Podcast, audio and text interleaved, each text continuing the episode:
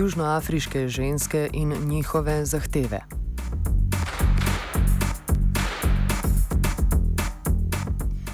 V Zimbabveju, natančneje mestu Bulawajo, je prejšnji teden potekalo srečanje civilno-družbenih organizacij iz južnoafriške regije. Udeležile so se ga predstavnice organizacij, ki se ukvarjajo s pravicami žensk, predvsem na področjih kmetijstva in izkoriščanja naravnih virov.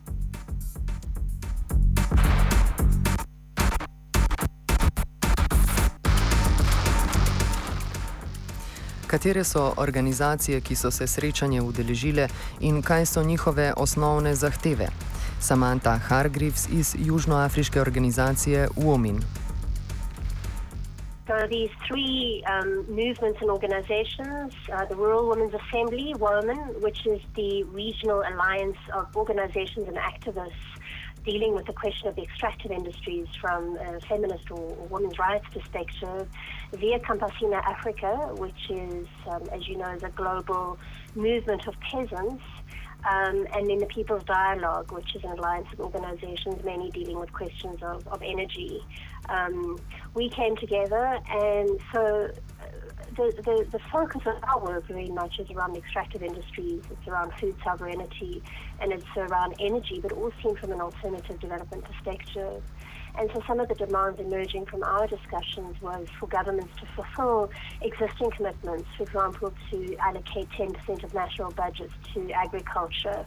Uh, we want to see our governments facilitate radical agrarian reform programs particularly privileging women's rights to land and security of tenure for women farmers. Also to promote a, a, a, system of agriculture that aligns well with what peasant farmers are already doing. And so this is, it's, it's opposing high inputs, it's, oppo- it's opposing the use of genetically modified organisms. And so we're really looking at indigenous seeds and supporting indigenous agriculture um, that allows um, peasant farmers to retain control over land and food, um, but also to deal with the question of climate justice, climate change. V regiji se vizija razvoja v očeh vlad pogosto veže na izkoriščanje naravnih verov, pri čemer pa se presliši potrebe lokalnega prebivalstva, ki na teh območjih živi. Poleg dejanskega implementiranja že obstoječe zakonodaje, tako organizacije zahtevajo reforme, ki bi preprečile propad življenja skupnosti. Nadaljuje Hargreaves. What we observed was that the extractive industries in the region, and here we're talking about mainly minerals, oil, and gas extraction, um, but this has resulted in massive land dispossessions and de- degradation. We're seeing corporates grabbing water, we're seeing water and air pollution, and many, many deep social problems related to displacements of people from their land, increased HIV/AIDS, teenage pregnancies. Um, and women really carry the greatest burden of this impact because of an unequal gender division of labor in their communities. So, what we're demanding here is an overhaul of the legal system governing mining, labor, and, and the environment to protect communities, to safeguard land, air, and ecosystems, and ensure that these corporates that are polluting our lands, our water, and our air are held accountable for these devastating environmental impacts. I think overall, we feel that this model of development that our governments are pursuing in the Southern Africa region, which is largely an extractivist model of development, um, is it needs to be challenged, and it needs to be challenged from below by affected communities and women. And so, we really want to see a model of development that promotes women well-being above Problem je torej v politikah, v načrtih vlad, ki vpliva na ruralno prebivalstvo, predvsem ženske, ne upoštevajo. Katere so teme, s katerimi se politika v razvojnih projektih ne ukvarja v zadostni meri? Razloži Elizabeth Mpofu iz organizacije Via Campesina. Some of the challenges in development, we are talking of the climate crisis and also a lack of infrastructure. Whereby we really talk of roads, good roads to link our region, and also uh, little recognition of women who are also important, very important in, in agriculture in our SADC region, even in the world, because we know most of the work is being done by women, but they are not being recognized. And also some decisions are just made on behalf of the SADC uh, people without um, consultation. There are so many challenges which we are facing in development. Vse sodelujoče organizacije svoje delo osredotočajo na problematiko žensk, predvsem žensk na ruralnih območjih. O tem, zakaj je ta fokus nujen, nadaljuje Mpofu. We're really focusing much on women because what we have noticed for the past decades is that women play a very important role in development and no one is paying attention to the women. And also, coming to farming itself, it is being done by women most of the time. Only very few men are also Uh, involved in farming, but to find out it, our homes, especially the rural women, because this was specifically the rural women who gathered together so that we can share our experiences, our challenges, and try to come up with strategies on how we want our government to address women issues. You also find that there is still increase also in the gender based violence and the policies are not really protecting the women in these violences. Via Campesina, znotraj katere deluje Elizabeth Mpofu, se v svojih zahtevah osredotoča predvsem na kmetijske politike, za katere želijo, da bi preprečevale prihod gensko spremenjenih semen, ter da bi lokalna skupnost sploh imela vpliv na odločanje o teh tematikah, ki so del njihovega vsakdana, a odločitve so sprejete drugje. Poseben poudarek dajo varnosti in suverenosti na področju prehranjevanja, kar nadalje razloži Mpofu.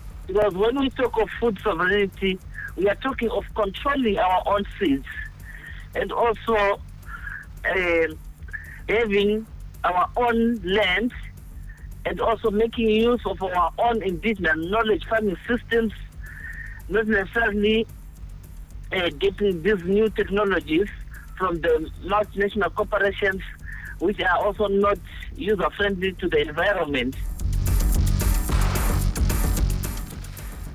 Naslednja perspektiva, ki je bila del srečanja, se nanaša na skupnosti, v katerih prihaja do izkoriščanja naravnih verov. Betty Laka, aktivistka iz južnoafriške regije Mokopane, razloži vpliv industrije na prebivalce. I'm comrade Betty, I'm in South Africa, Limpopo province, Mokopane area. And I'm staying in a rural village, which is Mapela area, whereby we affected by the four mining company around our area. So that the impact that caused by the mining companies, water contamination, land grab, forced removal, and hunger and malnutrition, the rising of food prices, and then we are drinking the contaminated water that contaminated by the mining company because we know that the the water is the first priority of our lives. And then the land grab community they are no, no longer having a land to produce food because the land belonged to the mining company. Without a, doing a proper consultation, they, they just came and took a land by force to the community. So that community did not have access to the land.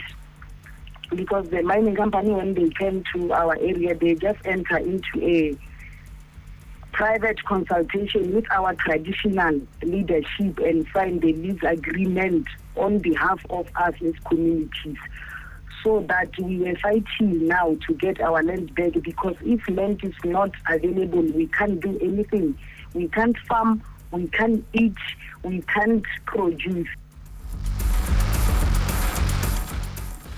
Osnovni problem je torej, da je preprečen dostop do zemlje ter da gre v procesu odločanja znotraj industrije za popolno pomankanje transparentnosti in demokratičnosti, pri čemer sodelujejo lokalne oblasti.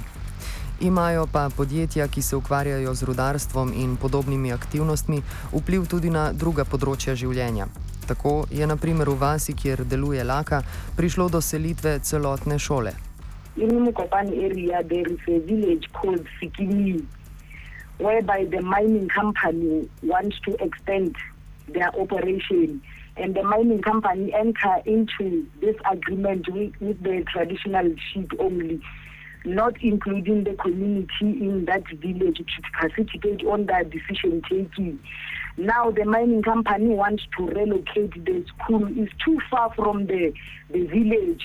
And then the community in that village, they want the mining company build the school in the center of the village. Now the mining company force the community to relocate the school far, far from the village whereby the kids can walk. It's, a very, very, very long distance for our kids to go to there to attend the classes.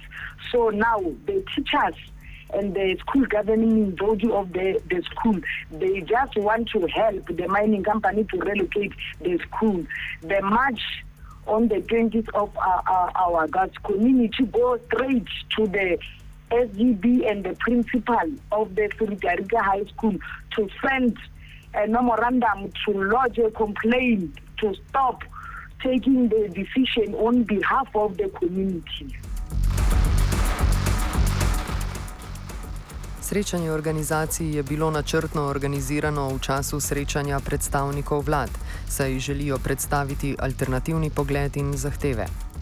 Kakšno je delovanje organizacij čez leto in ali se izvajajo projekti, pri katerih se načrtuje dolgoročno sodelovanje, zaključi Hargreaves. This is one moment when the SADC heads of state meet, um, and so we use this as an opportunity to convene an alternative people summit.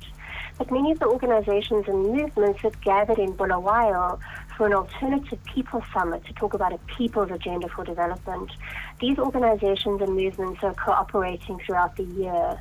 So we're running campaigns in the region, we're cooperating around um, exchanges across countries, we're supporting one another in solidarity. So, for example, um, there are many organizations, if we're in Bulawayo from Swaziland, where they're facing deep political repression, our organizations stand in solidarity with them.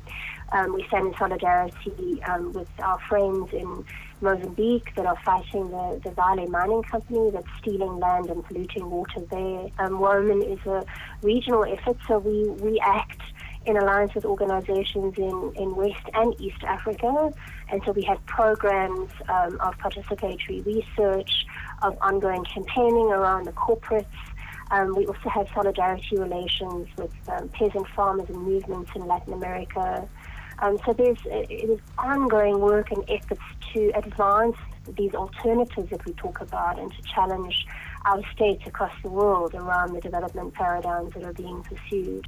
In um, next year, the SADC Heads of State meeting, organizations and movements will be launching a permanent People's Tribunal in the Southern Africa region, and we hope to um, see this expanded to other regions in Africa. And this really is a space where our movements can come together um, to talk about the, the impact of the corporates on our lives, on our bodies, on our lands, on our water and natural resources, um, to, to present evidence for this to advocate for the alternatives away from a corporate centered, uh, profit driven model of development, um, and really to strengthen our movement through this permanent People's Tribunal in the region. Offside je pripravila Zala.